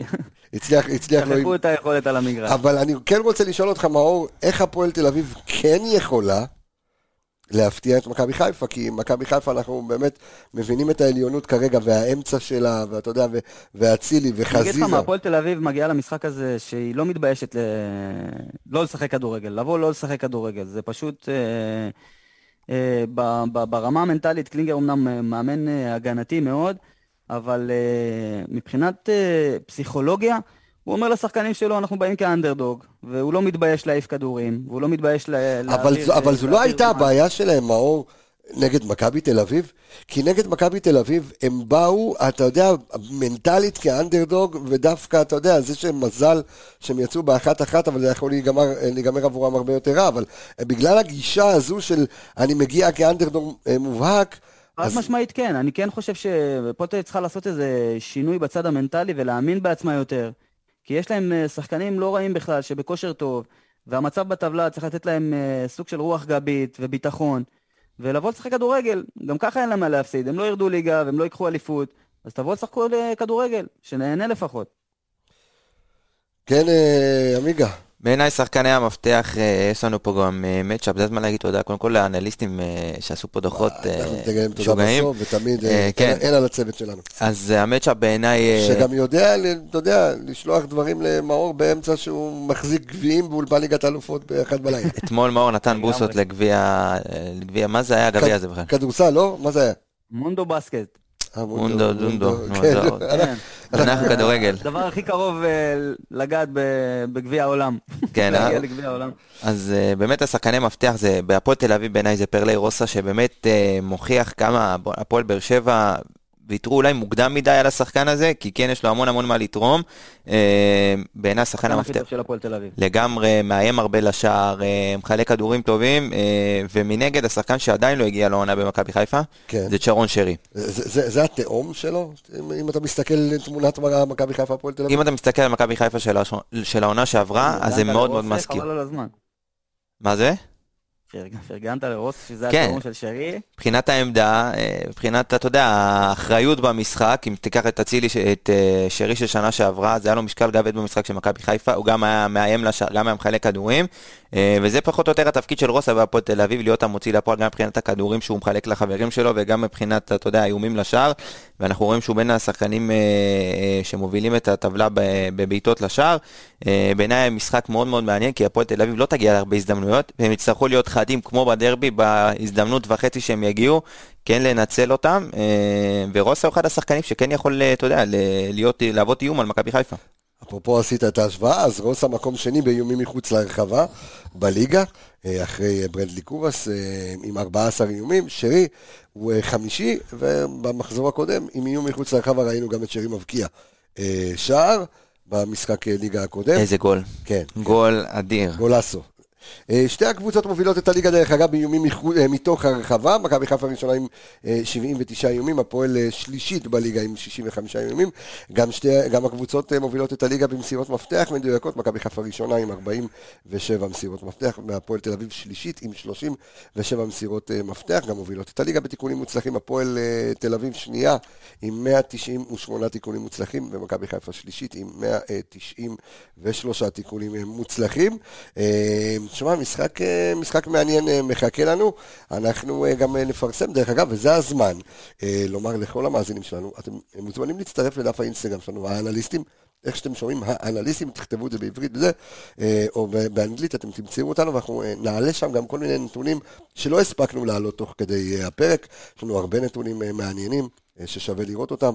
אה, גם שחקני כל הקבוצות, תעקבו, זה מעניין. אה, בואו ניתן את ההימור שלנו, מאור, שלך. אני הולך עם מכבי חיפה, 2-0. מאור הלך, תקשיב, בא, בא מוכן. כאילו 3-0. אוקיי. אוקיי, שינינו. בסדר, שיהיה לך זה. שלוש. כן. אתה, דוד. 3-1 מכבי חיפה. 3-1. אה... 1-1. אחת אחת. כן. אגב, זה מצחיק, כי הרבה אוהדי הפועל תל אביב פוגשים אותי ברחוב, אומרים לי, תשמע, אסור לך לפרשן אותנו, אתה לא אובייקטיבי, אתה שונא אותנו. חשוב לי להגיד שאני... אז שיקשיבו. ממש לא שונא אותם. אתה יודע מה... אני יכול לא לסמפת את הבעלים, אבל אין לי שום דבר נגד אה, הקבוצה. לא, אתה דווקא אתה מציין את זה בפעם, מי יודע כמה, אנחנו כבר אה, חמישה פרקים. ואתה מציין כל הזמן שאתה באמת אוהב את, את אתה יודע, אתה אוהב את אה, שחקני הפועל תל אביב, אתה אוהב את הפועל תל אביב, אה, אתה יודע, כמועדון, זה שאת העניין עם ההנהלה זה משהו אחר לגמרי, ואני מזמין, אתה יודע מה, זה כיועץ התקשורת שלך, אני אומר, בסטורי הבאה שלך תעלה, אוהדי הפועל תל אביב, אם אתם חושבים מה שאתם חושבים שאני חושב עליכם, בבקשה, אתם מוזמנים להאזין אה, לאנליסטים ולשמוע בדיוק. בואו נעבור אה, למשחק אה, הבא, למשחקים הבאים שלנו, נעשה את זה אה, זריז. אז אה, עירוני קריית שמונה פוגשת את הפועל באר שבע, ראינו את עירוני קריית שמונה מתבטלת מול מכבי חיפה במחזור הקודם, מקבלת רביעייה, ואז אה, נוסבאום. אה, אה, הולך הביתה. הולך הביתה, וכמה גרוע זה היה לשמוע את איזי שירצקי אומר, בן אדם נחמד, מאמן גרוע, לא, לא אומרים דברים כאלה, זה משגע אותי. הוא יכול להגיד מה שהוא רוצה, הבעיה שנותנים לו את הבמה. תקשיב, בסופו של דבר, אתה יודע, עצוב להגיד, אבל אה, כמו במקרה של מאור, זה, במקרים של שחקנים אחרים, גם אתה יודע, בעל המאה בסופו של דבר, הוא בעל הדעה גם, כן. הוא יכול להגיד מה הוא רוצה, אה, הוא בסופו של דבר משלם את הכסף, זה שזה נראה לא טוב. יש פה כבוד מינימלי נכון, מסכים? למקצוע, לבן אדם. מסכים, בסדר, שוב, אנחנו חוזרים... שמאחורי המאמן יש משפחה, יש ילדים, זה קצת יותר כבוד, זה הכל. מה זה שונה מלא לשלם כסף לשחקן שאתה, אתה יודע? אבל זה התרבות שלנו, זה לא נכון? שונה. אני פשוט אה, כאן כדי, אה, אתה יודע, לתת כל מיני זוויות שאולי משהו ישתנה. ואנחנו צריכים להתחיל את זה. תשמע, זה, זה class, אה, צריך class באפס מאמץ. לא, אבל אתה יודע מה, לבוא ולהגיד, אתה, אני, אני יכול להגיד איזשהו גילוי נאות, כשאמיר נוסבאום, לפני שהוא התחיל בכלל, ב, ב, את, לפני שהוא התחיל לאמן את הפועל קריית שמונה, רק לפני, עוד לפני שהוא חתם, שהיה בזמן החתימה על החוזה, הוא בא, דיבר איתי, התקשר אליי, אה, אתה יודע, בתוקף היותי הבעלים של מכללת ספורט פאנל, אה, ואמר לי, אני צריך אנליסט. אני הולך לאמן בליגת העל, אני צריך אנליסט, אני צריך מישהו ש... ודרך אגב, קריית שמונה לא רצתה לשמוע מזה שנים. אני יכול להגיד לך שאני כבר שלוש שנים אני מספק אנליסטים לכל קבוצה בליגת העל. ליגה לאומית. וליגה לאומית, בני יהודה ו... וקריית שמונה אאוט. ולא זה, והגיע אמיר נוסבאום ושם את זה על השולחן, אני רוצה אנליסט, אני רוצה... והתייחס לזה בשיא הרצינות. אתה יודע, אתה גם צריך לתת, כדי לנצח במלחמה אתה צריך לתת כלים. אמ, אז uh, עוד פעם... זה לא רק כלים, זה הראייה בכדורגל הישראלי, uh, ואנחנו סוטים ככה מהנושא, אבל משהו שמאוד חשוב לי להגיד, אה, בסופו של דבר, בעלי קבוצות רואים אה, הוצאה של, אתה יודע, משכורת של אנליסט או סקאוט, כלבזבז כסף. הם לא מבינים שב long run, תסתכל על זה, אנליסטים וסקאוטים בהחלטות נכונות ואנשים שעברו הכשרה, יכולים באמת לתת איזשהו אה, פתרון להוצאות אדירות על אה, פיצויים לשחקנים שאתה משחרר חצי עונה, או שחקנים שמגיעים לפה פצועים ואתה אפילו לא ידעת, כי אתה יודע, אתה מעסיק סקאוט או אנליסט שבאמת לא יודע מה הוא עושה ולא יודע איפה לבדוק את זה, ולא יודע, אתה יודע, לאמת את המקורות שלו. קבוצות פה בגירעונות של, שלמים על, על, נופלות על דברים כאלה. על זה שהן לא יודעות להעסיק אנשים שבאמת עברו, ש, שיודעים את העבודה שלהם, וזה מדהים, ואנחנו, אתה יודע.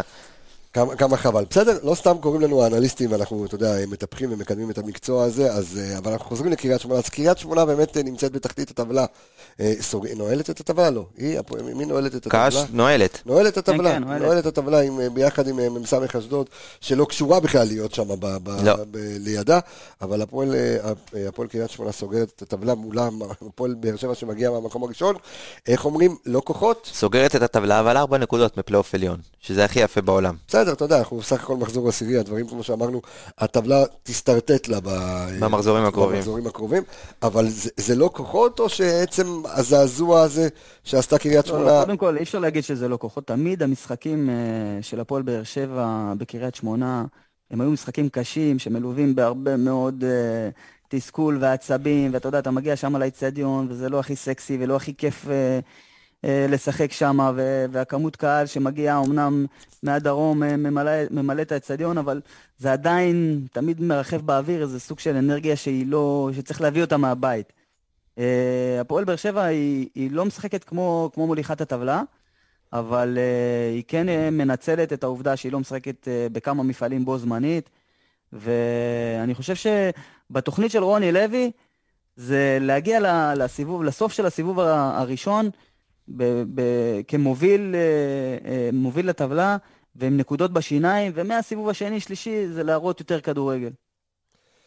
תשמע, אה, קריית שמונה תגיע באמת עם חיסור משמעותי של הכובש המוביל שלה, אמנם הוא הבלם, אבל אני חושב ש... חבשי. יחסית עוגן, כן, חבשי שחולה בקורונה, וסמואל בראון, השאלה באמת יש עוד דבר כזה קורונה? מה זה? פה בארץ עוד חולים? יש אה, נדבקים? בואנה, הגיעו... אתה לא יודע כמה. למה? הנה, זה בריינש, לא קראנו לו. בארץ? אה, מה, אנחנו פה, נתנו לנו תשע זריקות כבר, זה לא אמור להיעלם כבר? לא, אני חושב שלא, יכול להיות שאתה תהיה בריא, אבל אתה יודע, אתה לא... יכול להיות שאתה תהיה בריא. אתה לא, אתה לא תדבק, אתה לא תדבק. אמ, אבל מאור, השאלה אם באמת אמ, קריית שמונה יעשה משהו הזעזוע של המאמן, או שזה... הם החתימו מישהו בכלל? דראפיץ'. אה, דראפיץ', נכון. או, דראפיץ', דראפיץ' בלי ברדה. אה. שזה אה, הרבה זמן לא היה דראפיץ' בלי ברדה. זה כמו שחקן בלי נעלי פקקים. מעניין. גדול. מעניין איך יהיה... עוד כותרת להיום, דראפיס בלי ברדה זה כמו שחקן כדורגל בלי נעלי פקקים, תרשום לך את זה, עמיגה. עם סנדלים, יפה. הדראפיץ', טוב, אני לא יודע כמה הוא יכול, אולי זה באמת ההזדמנות שלו, לתת, אתה יודע, אפקט המאמן החדש, אולי זה יעבוד, מקום אחרון מול מקום ראשון. לצאת מהצל של שי ברדה, אתה יודע, הם שניהם שנים רצו ביחד ועשו עונות יפות במכבי נתניה. אני מאוד אהבתי את הפורמט הזה, מאוד. לא חושב שזה יכול לעבוד. לא מסכים. נדיר שזה... גם אני מאוד אהבתי.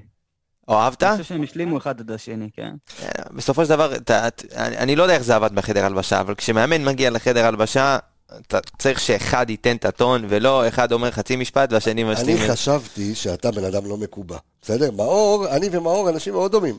אוקיי. תן לי משהו, תן לי איזה טוויסט, תן לי משהו מחוץ לקופסה. אני חושב שדראפיץ' וברדה הביאו איזשהו משהו, אתה יודע, דראפיץ' הוא היה מאמן הגנה וברדה מאמן התקפה. אה, והיית רואה שהם עונים במחצית. אז נכון שאולי זה קצת נראה, אבל בואנה, יש מקום בכדורגל הישראלי והעולמי לדברים חדשים, לדברים מעניינים. יכול להיות שזה יעבוד, יכול להיות שלא. למה לא לנסות? ואתה יודע מה? אגב, אני, אני, אני חושב שהם מאוד דומים לצוות של מכבי חיפה. קבסה. כל אחד יש לו את הנישה שלו. אם אה, ברדה היה יותר... אה, בצד הטקטי או בצד המנטלי, דרייפיץ' היה משלים אותו. וככה גם עובד בצוות של מכבי חיפה, שיש אחד שהוא אה, מבחינת אה, טקטיקה ומעביר אימונים, ויש את ברק שמפקח על הכל, ומאמן שוערים שהוא גם מצבים נייחים, כל אחד יודע את הנישה שלו, וזה דבר מאוד מאוד יפה. אתה יודע מה, הנה הדוגמה, הנה הדוגמה. זה שעשו את זה, אתה יודע, כאילו הם על הקווים, אתה יודע מה, ובוא אני שולח את אוהדי מכבי חיפה לשמוע את הפרק האחרון של האנליסטים של מכבי חיפה, שעשינו ראיון עם גיא צרפתי. שאמרנו, אתה יודע, ברק בכר זז אחורה, גיא צרפתי מתקדם קדימה, והוא כן נותן לו את הספייס כמאמן. אז פשוט לא מסתכלים על זה כצמד חמד כמו ברדה ודראפיץ', אבל לא משנה, אז כרגע דראפיץ' הולך להיות בלי ברדה. אה, ו- ומעניין מה הוא יעשה מאור אה, מול, מול הפועל באר שבע. איזה נקודות לחץ אפשר להפעיל על הפועל באר שבע? קודם כל, אני חושב שמבחינת קריית שמונה, אני לא יודע כמה ברדה ישפיע, אה, ברדה, סליחה, דראפיץ'. דראפיץ', ישפיע כבר, מה, כבר מההתחלה.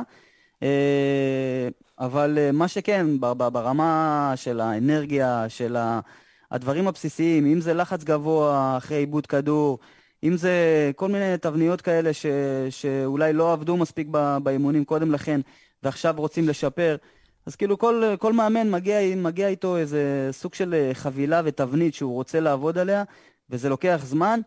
לא יודע אם, אה, לא בטוח שזה יעבוד נגד אה, הפועל באר שבע, כי הפועל באר שבע צריכה את הנקודות בשיניים ורוצה להמשיך להיות מקום ראשון, ואני לא חושב שזה, שזה הדבר, ההזדמנות כאילו לפספס את, ה, את הנקודות האלה, והם יבואו לנצח. עמיגו, סטיילי קצת על כן. אני, בעיניי, תשמע, קריית שמונה, אה, השחקנים של קריית שמונה אה, יבואו עם רעל, אה, ואם במשחק האחרון, יודע, ראינו אותם נגד מכבי חיפה, זה היה שהם נראו כאילו הם יודעים ש, שזה הולך להיגמר והמאמן הולך הביתה, וגם זה היה נראה כאילו בגישה שלהם במשחק, וגם של, ה, של המאמן על הקווים, היה נראה מאוד אנמי. אז היום הם יבואו, סליחה, בשבת יבואו וינסו להוכיח ההפך, נסו להראות שבעצם המאמן, לא, שהמאמן הייתה הבעיה ולא הם. אה, ויש פה הזדמנות, אתה יודע, גם נגד הפועל באר שבע, יום שבת, שעה מוקדמת, כל, ה, כל הפרמטרים מצביעים על הפתעה.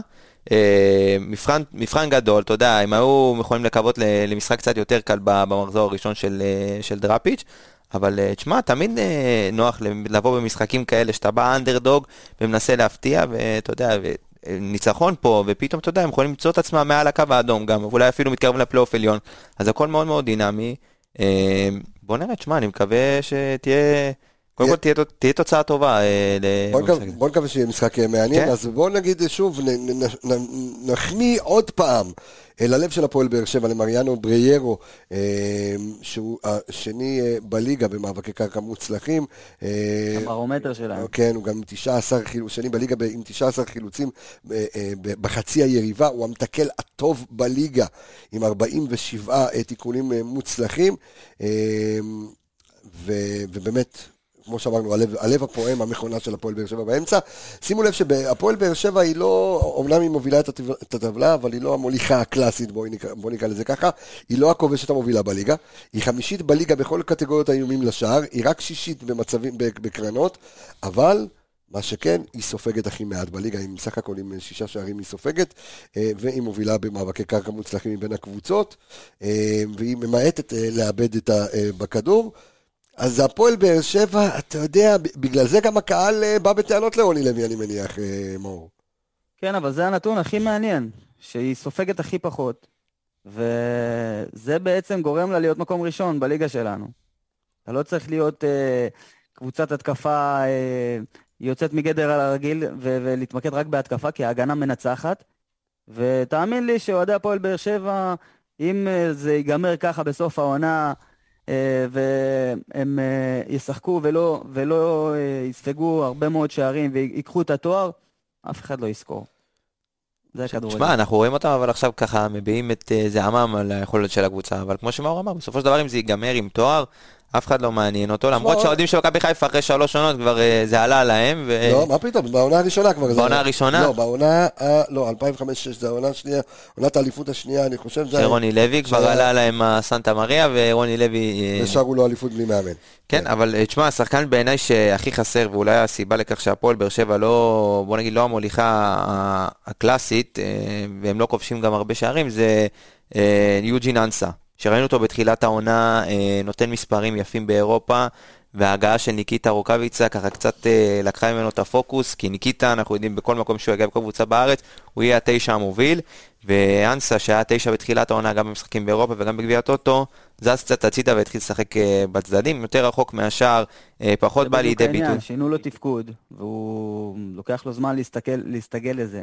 הוא מאבד הרבה מאוד כדורים באגף, הוא עושה פעולות שהוא לא מכיר אותם, אני לא מאשים אותו, הוא לא מכיר אותם, הוא מעולם לא שיחק בתפקיד הזה, אבל הוא כן יכול לעשות את זה בצורה טובה.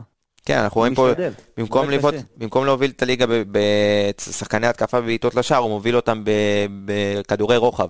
שחקן ההתקפה שמוציא הכי הרבה כדורי רוחב בליגה, במקום להיות זה שנמצא ברחבה ומקבל את ה... משחק בכנפיים, או, כשאתה משחק בכנפיים, זה, זה העבודה שלך.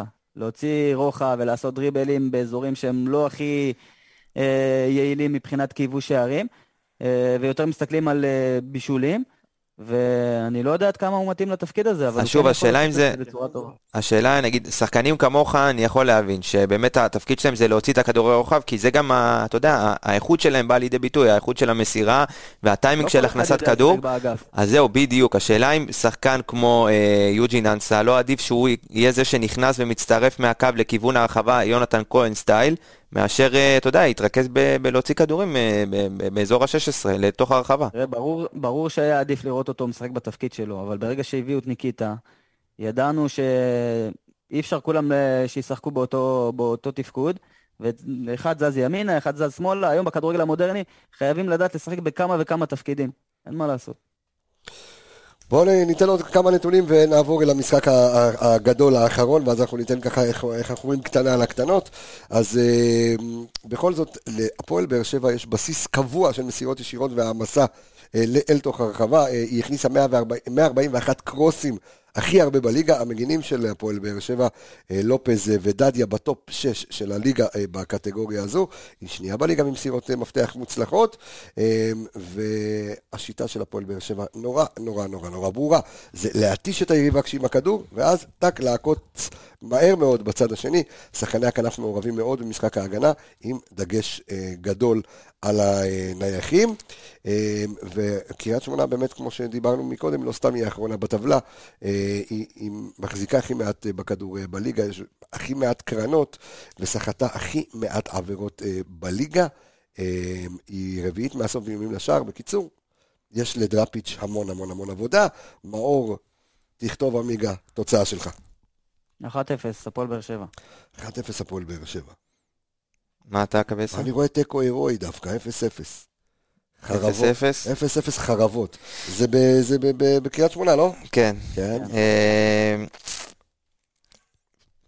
2-1 אה, לבאר שבע. 2-1 לבאר שבע. יפה, טוב, לעבור אה, למשחק אה, של מכבי נתניה. מול מכבי פתח תקווה, אז פסטיבל בן עילם ככה קצת, אתה יודע, התאזן לו. נרגע, נרגע. כן, התאזן לו מאור, ומכבי פתח תקווה, שאני חושב שהיא לא, לא מפסיקה לאכזב.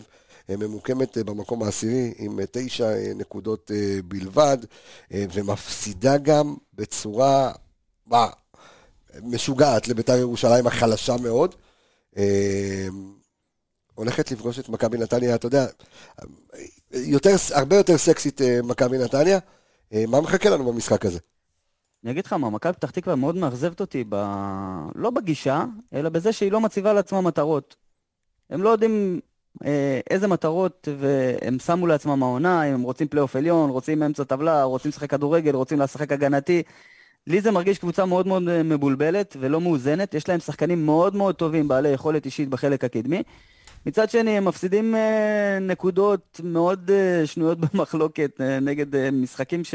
נגד קבוצות שהם צריכים דווקא להתעלות ולבוא ולשחק את הכדורגל שלהם בלי לחץ, כי זה מועדון אמנם בלי לחץ, שהמטרה שלו היא להוציא שחקנים החוצה ולפתח אותם ולתת להם במה, אבל מצד שני, אני לא יודע לאן, לאן הם רוצים להגיע. כן, כן, כן, עמיגה. לא, אני, האמת שזה קרב מאוד מאוד מעניין, כי במהלך הפגרה היה קרב מאוד מאוד אה, אכזרי בין אה, מכבי נתניה למכבי פתח תקווה. על? על אה, שחקן, על בלם חדש שקוראים לו גבי קיקי. גבי קיקי? גבי קיקי. מה זה כן. קיצור של גבי קניקובסקי? מי זה גבי קיקי? גבי קיקי זה בלם uh, שהגיע מהליגה הבלארוסית, וגם מכבי נתניה, הוא כבר היה אגב סגור במכבי נתניה, לדעתי, אם אני זוכר נכון, וברגע האחרון הוא, מכבי פתח תקווה הצליחו לשכנע אותו לחתום אצלהם. אה, וככה גנבו להם אותו מתחת לאף. אה, בלם שיגיע לפה, אה, אתה יודע, הוא התחיל לשחק אמנם רק בינואר, אבל זה ככה משהו מעניין שקרה בפגרה בין, בין הקבוצות האלה, אז אולי ככה זה יעשה את היריבות ואת המפגש הזה לקצת יותר חם. טוב, אז מכבי נתניה תרצה לנקום על גבי קיקי בר קיקי. אוקיי. הפעם האחרונה שדרך אגב, שמכבי פתח תקווה מנצחת מכבי נתניה הייתה ב-10 ל-11 2008, 2018, סליחה. אה, אז ניצחה מכבי פתח תקווה 1-0, אבל באמת מ-2018 מכבי פתח תקווה לא מצליחה לנצח את מכבי נתניה. שימו לב שהכובש המוביל של מכבי נתניה, פרפגו יגון, עם שער, היה לו שער פנטסטי. שער אדיר. לפני שני מחזורים, ובמחזור הקודם זה היה? כן, במחזור הקודם נגד הפועל ירושלים. במחזור הקודם, ועווד, גם כן הכובש המוביל של מכבי פתח תקווה. שימו לב שמכבי, אחרי מכבי תל אביב, מכבי נתניה היא זו שבועטת הכי הרבה מחוץ לרחבה, כמובן עם שחקנים כמו פרפגו יגון, חן עזרא ושות'. מכבי פתח תקווה... אה, יפה. אה? בועטת הכי הרבה מחוץ לרחבה, פרפגו יגון, חן עזרא ושות'. ושות', כן. יפה. שוט, שזה גם בעיטה באנגלית. אז אתה מבין? הקריאייטיב פה חוגג באמצע. גם משה. ומכבי פתח תקווה ביחד עם הפועל באר שבע כבשו הכי הרבה מפנדלים העונה, עם שלושה כאלה, מכבי נתניה היא הקבוצה שנכנסת הכי הרבה למאבקי האוויר בליגה. בקיצור, אתה יודע, מחכה לנו משחק נחמד. משחק נחמד, תיקו הכי, התיקו הכי מסמרים שהיה בהיסטוריה של הליגה הזאת. אתה חושב? בטח, אני גם... זה מה שכתוב על הקיר? אני דווקא חושב שיהיו הרבה שערים. כן, תיקו שלוש. הרגשה שלי, תחושתי. תשמע, בעיניי הנקודה הכי מעניינת במכבי נתניה זה החלוץ שלהם איגור זלטנוביץ', שאתה יודע, דיברנו עליו כל כך הרבה בתחילת העונה, שהנה מכבי נתניה הצליחו להביא את המחליף שמאז בת שיראי לא היה להם חלוץ, ופתאום, אתה יודע, הגיע חלוץ שנותן גולים גם בגביע הטוטו ונראה ממש טוב, נראה שהוא התחבר מאוד מאוד מהר. ואז התחילה הליגה, והחלוץ נתן אולי איזה, נתן שער אחד בתשעה משחקים, ושחקן שאתה מצפה ממנו לתת עשרה שערים פלוס, אתה יודע, באמת להיות המוציא לפועל, ואז אתה יודע, זה, זה משאיר את מכבי נתניה, כמו שאנחנו רואים בתחתית, ככה זה כשאתה זלטנוביץ' ולא זלטן. זה, זה חלקי זה, חילוף. זה ההבדל, חלקי חילוף, כן, אה, אין ספק. אבל שים לב רגע לאיזשהו נתון מעניין, מאור, שמכבי נתניה היא עד כה קיבלה את הכי הרבה צהובים בליגה. אוקיי? עם 33 צהובים. עכשיו, שים לב רגע לנתון הבא. מכבי נתניה היא גם הקבוצה שמאבדת הכי הרבה כדורים בליגה. יש לזה קשר ישיר, אני מניח, לעבירות. אתה מאבד כדור, אתה מתוסכל, אתה עושה עבירה, ואז אתה מקבל צהוב. אז כן, אז מכבי נתניה כנראה מאוד מפוזרת, שהיא מאבדת כל כך הרבה, שימו לב, היא איבדה עד כה בליגה 686 כדורים. ולכן היא גם מבצעת הכי הרבה עבירות בליגה. מחלקים את הכדורים האלה לקהל או משהו? 686. זה נתונים של עונה שלמה. מה זה? זה מספר מטורף, 680, זה, אתה יודע, זה תחלק בתשעה משחקים, בואנה זה מטורף. אז כן, זה, זה, זה באמת מטורף, אבל שים לב שהיא גם, היא הקבוצה שגם מבצעת הכי הרבה עבירות בליגה, זאת אומרת, משהו, משהו מאוד פזיז שם. זה 76 כדורים למשחק. תשמע, נתון מטורף. אז מאור, זה משהו מאוד פזיז שאתה מבצע כל כך הרבה עבירות. כן, הם רוצים להיות uh, קבוצה אגרסיבית, אבל מצד שני הם צריכים, uh, uh, בכדורגל צריך לאבד uh, כמה שפחות, uh, וצריך לעבוד על זה באימונים. Uh, בני לם, אני יודע שהשחקנים מאוד מאוד אוהבים אותו, מאוד אוהבים את, ה, את הצורת עבודה שלו, את, ה, את ה vibe והאווירה שהוא, שהוא מכניס uh, לדריכות uh, לפני משחקים. אה, אני לא יודע עדיין מבחינה טקטית, אה, כי הוא אוהב לשחק עם שלושה בלמים. דווקא נגד מכבי פתח תקווה, אני די משוכנע שהוא ישנה, כי זה מסוג המשחקים שהוא צריך אה, ליזום ולתקוף ולהביא תבניות התקפה, מה שמכבי נתניה לא כל כך אוהבת לעשות, היא אוהבת... היא בונה על יכולות אישיות דרך האמצע, ואגב, זה מצ'אפ מאוד מעניין בין מכבי פתח תקווה, כי מכבי פתח תקווה מאוד דומה בשיטת משחק אה, של יכולות אישיות ודרך האמצע, אה, ויהיה מאוד מעניין. משחק מסקרן. ההימור שלך למשחק הזה, מאור? 3-1, מכבי פתח תקווה. שי! וואו. תרשום, תרשום. נו. 2-0 מכבי נתניה.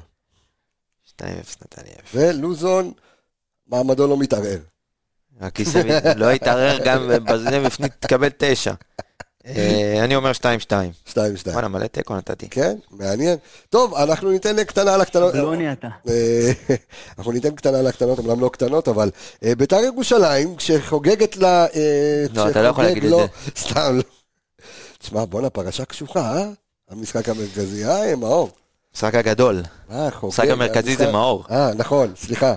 אז אתה, אתה- מאור, אתה בפרשת המשחק המרכזי וחוגג בפרשת המשחק הגדול. יש לך איזה כתבנו הפוליטי, ה- ה- הפלילי, יש לך משהו להגיד לנו? מה, אני לא, לא כל כך מעורה בפרטים, אבל אה, זה חתיכת מכה למועדון, ל- לחוגג בעיקר, המשפחה שלו. אה, מצב לא פשוט, לא פשוט. תשמע, לכאורה, הכל הכל כביכול ולכאורה, כן. אה, אנחנו נסייג את הדברים, אבל אה, תשמע, מכה מכה, אבל אה, אם הוא עשה מה שהכתב אישום אה, אומר שהוא עשה, אז זה אה, ברור, מקומו צדק, לא- יודע, אבל... מקומו לא איתנו, עדיין. לצערי. תשמע, אני חייב לספר לך משהו. אוקיי. אתה יכול גם להוציא את הכותרת הזאת תחת השם שלי. כחרדי לשעבר, אוקיי? פה אני גם נותן סקופ למי שלא מכיר אותי אישית. כחרדי לשעבר, וזה גם קשור אליך, מאור. אני לקחתי, אני ומאור הלכנו, זה גם צולם בבוזגלוס, אה, הלכנו, אה, הכנתי את מאור לראיון בוואן. אתה זוכר את זה? שהיה איזה, אה, באיזה בית מלון כזה, הם עשו בוואן, עשו איזה, כזה לעובדים שלהם, ואז עלית והכנתי אותך לאיזשהו ראיון. נכון. ועוד שיחקת בהפועל תל אביב, יצאנו מהמתחם של הפועל תל אביב ונסענו. לאיזשהו מלון, ו... ואתה יודע, והם... הייתי בביתר ירושלים. אה, סליחה, ב... לא, בבית"ר ירושלים היית? כן, ביתר ירושלים. נפל לך כל הסיפור, אה? לא, לא, לא נפל לי הסיפור. לא, היית בביתר, אתה בטוח? כן, אוקיי. לא. לא זוכר למה הייתי בוולפסון, אולי זה פעם, פעם אחרת. אמ, אבל הלכתי עם מאור, נסענו עם באוטו של מאור, ואז אה, הגענו שם ובדיוק חוגג יצא. עכשיו, פעם ראשונה שראיתי את חוגג, אתה יודע, face to face, וראיתי, יצא לך ביטקוין? לא, ראיתי את חוגג עם ציציות בחוץ ובלי כיפה. וכחרדי לשעבר, אני אומר, כשמישהו הולך עם ציציות בחוץ ואין לו כיפה על הראש, משהו שם לא, משהו שם לא מסתדר. משהו שם לא מסתדר. לא יודע, זה לא, לא הסתדר לי אז. אני לא יודע, אני לא מכיר את החוקים האלה. לא, זה פרשת הציצית הגדולה. זה בתקנון. כן, זה בתקנון של ההתאחדות החרדית, אתה יודע, זה לא, זה לא, הדברים, הדברים האלה לא עובדים, אז... אה, אולי נפרם לו החולצה בכביסה? לא, לא, אחי, ציציות, אני אומר, בן אדם עם ציציות בחוץ, ושאין לו כיפה על הראש, לא, לא תקין. אבל אתה יודע מה עצוב? אתה לא, יודע, אנחנו מדברים לא, דקה אוקיי. כבר על ביתר, שתיים. לא לא אמרת מילה- מילה מקצועית. מילה אתה לא יכול לדבר, אתה אתה לא יודע מה קורה שם. ואנחנו אנליסטים, אתה מבין? מילה מקצועית אתה לא יכול להגיד, שמע, זה מה שקורה שם, זה באמת, אני לא יודע, אתה יש שם אלי אוחנה ופתאום המאמן אולי פתאום ירצה לעזוב, ושחקנים אולי מכירת חיסול בינואר, ומדברים על... זה חו- חוסר ודאות אה, משוגע. לא יודע איך אפשר גם לשחק מבחינת ככה. השחקנים, גם מבחינת אה, ההנהלה והצוות, ויש בלבול אחד גדול. שאלה אם אתה היית, אם אתה היית שחקן עכשיו במצב כזה ואתה אמור לשחק ואתה אומר בואנה מי שאמור לשלם לי את הכסף יושב בכלא על הונאה ואתה יודע דברים כאלה. השאלה אם אתה יודע. משפיע, אתה, לא יודע איפה הכסף שלך, אתה לא יודע אם אתה תקבל. בטח שזה משפיע. זה משפיע, אבל כמובן, אתה יודע, אנחנו מנסים להדחיק הכל הצידה ולהתרכז במשחק ולבוא ולעשות את הכי טוב, כי בסוף זה הקריירה שלנו כשחקנים, ואנחנו מכבדים את המקצוע, ו... אבל כל הדברים מסביב, זה, זה משפיע, והקהל שם על הגדרות, וההנהלה בחוסר ודאות, ו... ו... ו... שמע, טירוף. בלאגן חוגג. תרתי משמע, איך אומר אלוהג. טוב, הוא לא הבין את המשחק מינים של עצמו. כן, הוא אמרת... ישב אתמול ליד אבי מילר. אבי מילר, אבי מילר. הוא נדבק כמו אה, קצת במשחקים מינים. יש לי, יש לי. אה, אז בית"ר ירושלים פוגשת את הפועל חדרה, הפועל חדרה עשתה אה, 0-0 מסמרים במחזור הקודם, אה, ובית"ר ירושלים שניצחה באמת את מכבי פתח תקווה 3-0, משחק מאוד מאוד קשה, עם כל הברדקייה שיש שם, אה, מאור, תן לי, אה, תן לי ככה במשפטון. כן, אני, קודם כל, אני רואה את זה שזה תלוי אה, ב- ב- באנרגיה שבית"ר ירושלים תגיע. חדרה מבחינתה, היא תבוא למשחק הזה, כמו כל המשחקים, אין יותר מדי אה, ציפיות. באה כאנדרדוג, הזדמנות אה, לשחקנים להיות אה, בכותרות, בטח על חשבון בית"ר ירושלים. אה, אני רואה שיהיה לבית"ר מאוד מאוד קשה. המשחק. המשחק בטדי, אבל, אגב. כן. אבל תמיד ב- ב- בשנים האחרונות, שבית"ר ירושלים אה, משחקת נגד חדרה, אה, בית"ר ירושלים מנצחת. יש שם אה, זה, מעניין, מעניין. גם בשנים האחרונות כל פעם שביתר משחק נגד אתלטיקו מדריד היא מנצחת. ויש שם מישהו ששם שם צמד. זה השער. לא, היה לך עוד שערים מאז? מה זאת אומרת? אחרי ביתר. עם הפועל תל אביב. אה, האתלט. זה הצמד האחרון זה שלך אבל. זה פרק שנגנז איפשהו ב- מהקריירה שלי. רגע, דרך אגב, זה הצמד האחרון בקריירה שלך נגד אתלטיקו מדריד? נכון. נו, בבקשה. אי, אתה מבין? אם- אם כבר לסיים עם צמד, נגד- תשמע, אה, אתלטיקו אבל שזה יהיה. נגד אתלטיקו. אגב, בכלל לא הייתי צריך לשחק במשחק הזה, שזה אבסורד, אתה יודע. אה. אני, אני, אני, סיפור קטן, ככה. אה, אני אמור לסיים חוזה, ואז אה, חוגג לוקח אותי לחדר הלבשה, הוא אומר לי, תשמע, אם אתה לא, קודם כל אתה לא אמור לשחק, אבל אה, אתלטיקו מדריד אמרו שאם אתה ויוסי בן אדם לא, משחק, לא משחקים, אה, המשחק לא מתקיים. אה. נראה מבחינת רייטינג, מבחינת, לא יודע מה, מאיזה, מאיזה, איזה, מאיזה קו של מחשבה. עכשיו, ממצב שאני לא, לא הולך לשחק בכלל, אני חייב לפתוח בהרכב. ו- ומפה זה היסטוריה. אבל אז- אז צ- צ- צמד כזה, איך לא היה העלאה בשכר ועוד חוזה לשלוש שנים קדימה? אה, זה תשאל את, אה, את הבעלים. ו... אני רציתי, אבל הוא לא יכול. אה, לא, הוא- כשאני חתמתי בהפועל תל אביב, הוא אמר לי, אה, אם היית רוצה חוזה לשלוש שנים, היית מקבל. אמרתי לו, די, נו, באמת. כשרוצים, מגישים משהו, שלא רוצים, לא מדברים. יכל להאריך את, ה, את, החו, את, המעצ... את, הח... את החוזה בעוד שלוש שנים. משחק אחרון, הפועל נוף... איך אחרון? אה, למה? נוף הגליל יש לנו וזהו, מה? נוף הגליל ואשדוד נגד... אה, סליחה, סליחה. רגע, תוצאה, בית"ר ירושלים, אה, אה, נכון. הפועל חדרה. אה, 2-0 בית"ר ירושלים. 2-0 בית"ר, ממשיכים את המומנטום. 2-2. איפה יש 2-2? מה אני אומר? אה, משחק בפנטזי. 1-0 חדרה. 1-0 לחדרה. יפה, הפועל אה, נוף הגליל אה, פוגשת את אה, בני סכנין. פריס סן ג'רמן מהמשחק באיתיחד חוזרת לאיצטדיון גרין. לגרין. אה, זה בגרין, אוקיי. כן, תן לי תוצאה, כן, מה, מה יש כבר, אה, הפועל נוף הגליל, הפועל נוף הגליל. והצמרת, מה? תשמע, עושה עונה, כן. מקום שיש- מקום שישי נגד מקום שביעי, שתי קבוצות. הנה, התיקו הראשון שלי. יאללה. זהו, בקדקו הראשון. תיקו כמה? אחת אחת. אחת אחת, שוויון. נו, סכנין מנצחת. דקה המשחק. 44. סכנין מנצחת כמה? מנצ- מנצחת, 2-0. מה אתה אומר? אני אומר אה, 2-2. 2-2. הלכת על ה-2-2 היום. ומ"ס אשדוד, אה, שפוגשת את הפועל ירושלים, מקום 12 נגד מקום 13, שמ"ס אשדוד נראית נהדר, ואלוהים יודע למה היא ממוקמת אה, במקום הזה, ופוגשת את הפועל ירושלים, שכבר... היא עם לא ש- היא לא עוברת. נקודות, אז היא נמצאת במקום שלה. איך? למרות שזה לא משקף את היכולת והפוטנציאל הוא, יש פערים עצומים אה, לעומת המצב בטבלה, אבל מצד שני עם קבוצה שלא אוגרת נקודות ולא לוקחת נקודות בשיניים ולא יודעת לבוא אה, ולשמור על תוצאה שצריך ולרדת להגנה שצריך אה, ובונה רק על אה, יכולת אישית והתקפה. אה, כמו שאומרים, עם, ה... עם, הדבר הזה לא הולכים למכולת. תן לי קטנה רגע על הפועל ירושלים, שבאמת אה, כבר אה, עם אה, שני ניצחונות אה, רצופים היו לה, נכון? אה, כן. כן. שני ניצחונות רצופים. אה, הייתה מעל הקו האדום, מקום 12. עלתה מעל הקו האדום, בדיוק, אה, בוסט של נראה לי ביטחון. שזמן זמן ההסתגלות שלהם בליגת העל אה, עבר, הם נכנסו קצת ל- לקצב, הבינו איך זה עובד, הבינו איך, צריך להתנהל, והם עכשיו אה, נכנסים לסוג של... אה, אתה יודע, כי, כי המטרה הייתה בכלל. בהתחלה להבקיע שער, הבקיעו, אחר כך המטרה הייתה להשיג ניצחון, ניצחו כאלה, ויכול להיות. שעכשיו אולי, אה, אתה יודע, כי... עכשיו המטרה לתת הצגה, אולי ייתנו הצגה. יכול להיות, תן לי תוצאה למשחק הזה של הפועל אה, אה, אה, ירושלים מול מ"ס אשדוד. אני הולך עם מ"ס אשדוד, 2-1. 2-1 מ"ס אשדוד. גם אני 3-0 מ"ס אשדוד. אפס, למה אתה עושה לי 1? 3-0. אמרת 3-0? כן. אז אני אומר 1-0 להפועל ירושלים. אחד, פש, יפה. בקיצור, מחכה לנו אה, מחזור מעניין ב, אה, ביום, אה, המחזור הקרוב, החל מיום שבת ועוד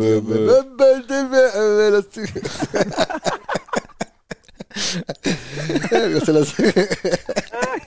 רציתי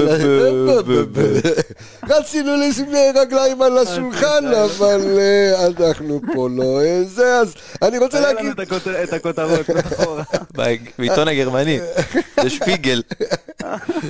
אז אני רוצה להגיד אה, תודה רבה לאנליסטים סביב התוכנית הזו, לזוהר שווה, לגיא נעמתי, לטל שץ ולעדן רוף, The roof is on fire, אה, אור עמיגה, תודה רבה על עוד פרק. נהדר. מאור בוזגלו, תודה רבה יקירי, אנחנו, אה. אנחנו אה, נתראה ונשתמע בפרק הבא, בעזרת השם. בעזרת השם וישועתו. אני רפאל קבס החברים, ביי ביי, להתראות.